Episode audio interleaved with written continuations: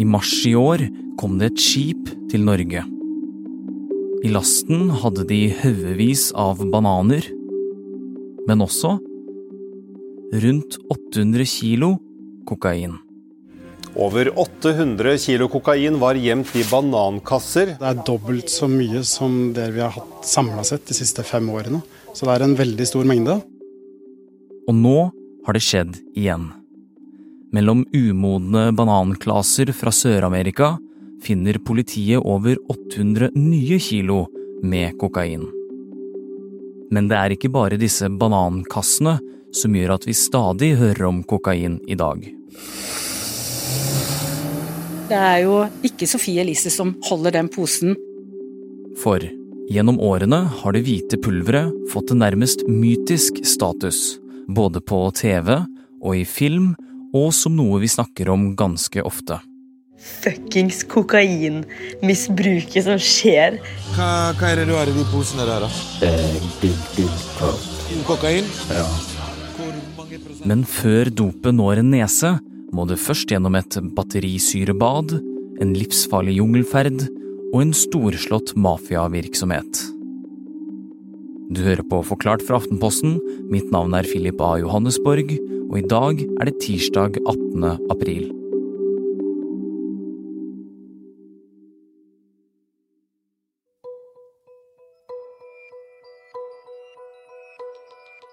Denne historien starter i mars i Tyskland.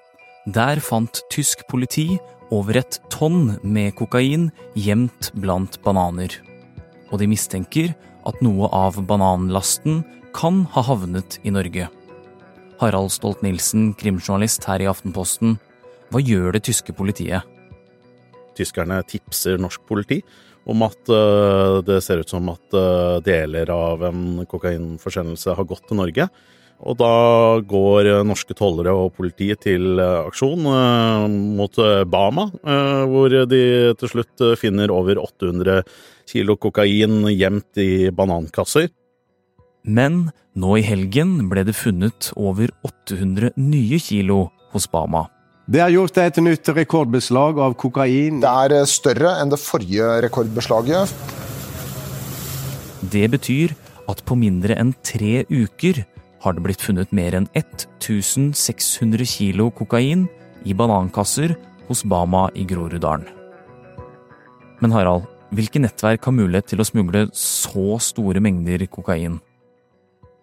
Det er vanskelig å si. Så langt uh, har politiet sagt at de ikke mistenker noen, og det er ingen som er sikta heller. og det er egentlig for tidlig å si om det beslaget som ble gjort i Oslo, kan kobles til noen av de større kriminelle nettverkene i Europa eller i Latin-Amerika. Ja, og disse kriminelle nettverkene skal vi komme tilbake til. Men først, hva er egentlig kokain? Det er et stoff i en plante som heter kokaplanten, som lever i Sør-Amerika. Eh, som smaker veldig beskt. Det er et slags forsvarsmekanisme for planten for at dyr eh, og mennesker da ikke skal spise det. Og så har det virka litt mot sin hensikt, da. Jonas Kinge Bergland er komiker og lege, og har gått litt i dybden på nettopp hva kokain er. Kokain er noe som heter benzoylmetylekgonin, som er et alkaloid som har i eh, lavere konsentrasjoner en veldig sånn svakt stimulerende effekt. Man eh, får eh, økt våkenhet, litt lavere appetitt og økt utholdenhet. Og her kommer den litt kompliserte biten, så hold deg fast. I konsentrert form kan stoffet være nyttig i medisinsk bruk. Det kan stoppe blødninger, samtidig som det er smertelindrende. Det blir gjerne brukt i forbindelse med kirurgiske inngrep i munn og i nese, men det er måten stoffet virker i hjernen som har fått mest oppmerksomhet. Kokain øker nemlig nivåene av diverse lykkestoffer i hjernen. Konsentrasjon av dopamin, serotonin og noradrenalin gjør at en person får en euforisk lykkefølelse. Man blir ukritisk, man får et økt overskudd, man blir våken, man blir glad, og ukritisk oppførsel. Men i dag så er legene ganske forsiktige med bruken av kokain som profesjonell smertelindring. Stoffet er veldig avhengighetsskapende og kan føre til angst, uro og psykose. Og i dag er det kun ett legemiddelfirma i verden som produserer kokainets virkestoffer til medisinsk bruk. Og resten av verdens produksjon, derimot, blir laget dypt inne i jungelen i land i Sør-Amerika. Kokain blir eh, i dag laget eh, i såkalte jungellaboratorier, hvor eh, man dypt inn i jungelen i primært Peru og Colombia og Bolivia har en gjeng med fattige bønder som da produserer opp enorme mengder med da disse kokabladene. Og så for at denne kokabladsaften skal bli tilgjengelig til å utvinnes, så må det kuttes opp. Det gjøres gjerne med en sånn derre kantklipper. Sånn som man ser Park- og idrettsvesenet driver og klipper bed og sånne. Sånn at uh, bladene blir en slags sånn uh, grønn masse. Dette tilsettes så sement, uh, som er alkalisk, dvs. Si basisk. Dette tilsettes så bensin eller diesel. Og så tilsettes da dette vann og svovelsyre, eller batterisyre. Så har man til slutt da en slags sånn gjørme som man så vrir opp til en slags pastalignende deig. Da får du igjen en sånn grå leirklump. Denne tilsetter du da blekemiddel for at den skal bli hvit, for det ser penere ut.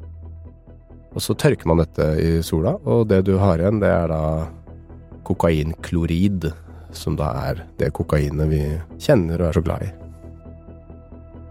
Altså dette hvite pulveret.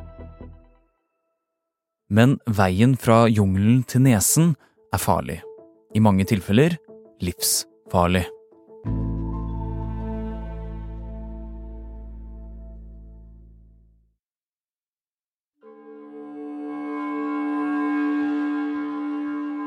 Etter at pulveret har ligget i sola, så må det fraktes til nærmeste havn.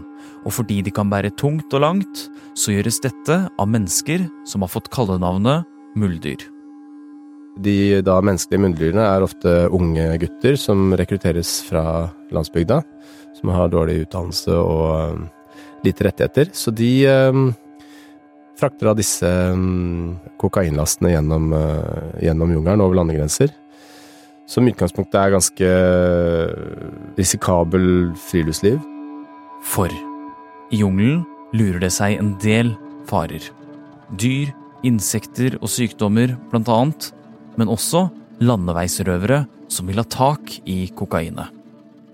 Og hvis de ønsker å trekke seg fra jobben, så er det vanlig at de enten blir drept eller eh, overlatt til myndighetene og anklaget for brudd på narkotikalovgivningen. Sånn at de eh, er ganske låst i den ubehagelige og farlige situasjonen som de er i.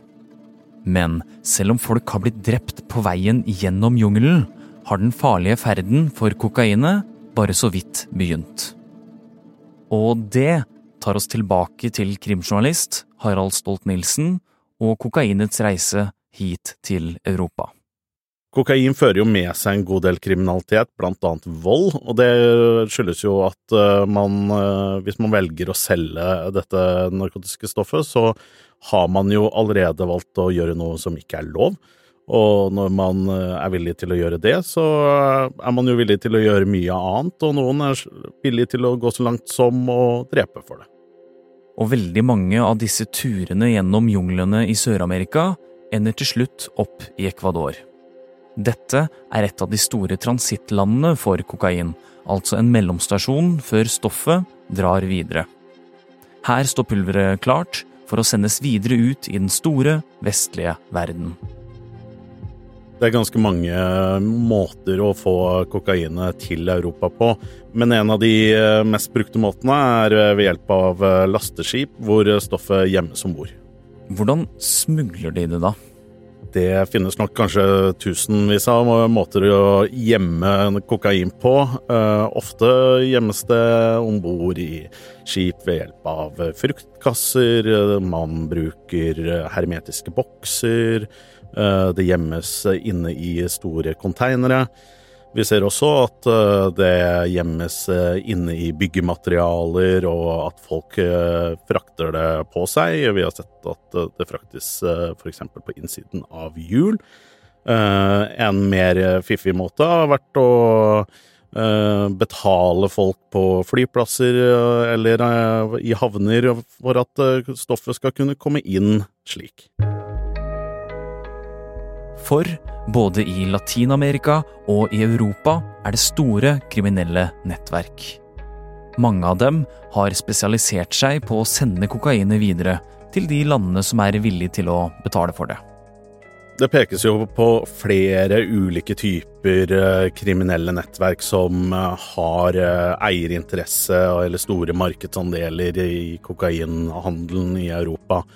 EUs e narkotikabyrå peker bl.a. på karteller fra Mexico, Endrangheta, den italienske mafiaen fra sør i Italia, og kriminelle gjenger fra Balkan.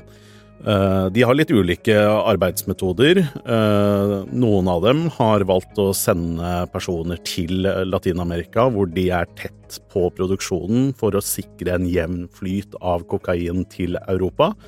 Mens eh, noen av de er mer avhengig av at de har gode samarbeidsavtaler, kan man kalle det, med kartellene i Colombia, Peru, Bolivia og Ecuador.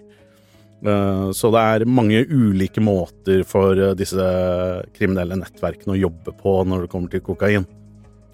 Det enkelte av disse kriminelle nettverkene spesialiserer seg på, er jo å frakte kokainet fra Latin-Amerika til eh, Europa. Og da bruker de ofte store lasteskip for å smugle stoffet og for å frakte det til store europeiske havner i Antwerpen i Belgia og Rotterdam i Nederland. Derfra er ikke turen så lang til Europas hovedsteder, bl.a. Oslo. Og det er heller ikke uvanlig å frakte kokain sammen med matvarer som uansett må bli importert, sånn som i alle disse banankassene som endte opp på et lager i Oslo. Men det å finne så mye kokain i Norge, til sammen over 1600 kilo, det er absolutt ikke vanlig. Faktisk så har det aldri skjedd før, og for å sammenligne med i fjor, beslagla politi da bare litt over 100 kilo med kokain. Er det virkelig en økning av kokainbruken vi ser? Det er vanskelig å si. Eh, det vi ser, er at eh, i Europa så blir det nå tatt eh, stadig mer og større beslag. Vi kan også se at produksjonen av kokain i Colombia og Peru har økt, og Europol gikk i fjor ut og sa at Europa blir truffet av en kokainbølge. Men om bruken er blitt noe større i Norge, det er ganske vanskelig å si. Men kan vi si noe om hvem som bruker det i Norge, da?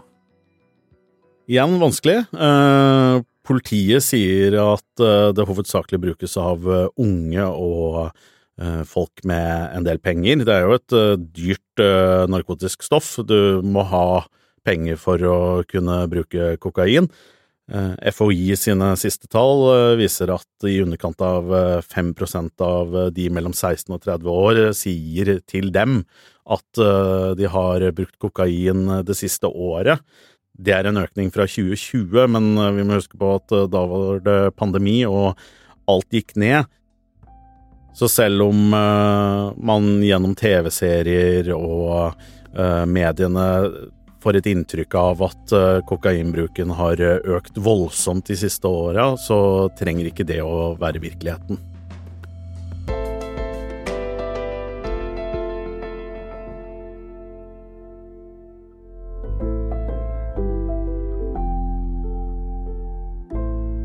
Du har hørt en podkast fra Aftenposten.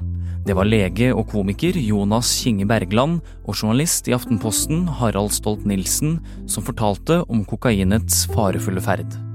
Lyden du har hørt er hentet fra NRK, NTB, VGTV, TV 2 og Jenny Gerken på TikTok.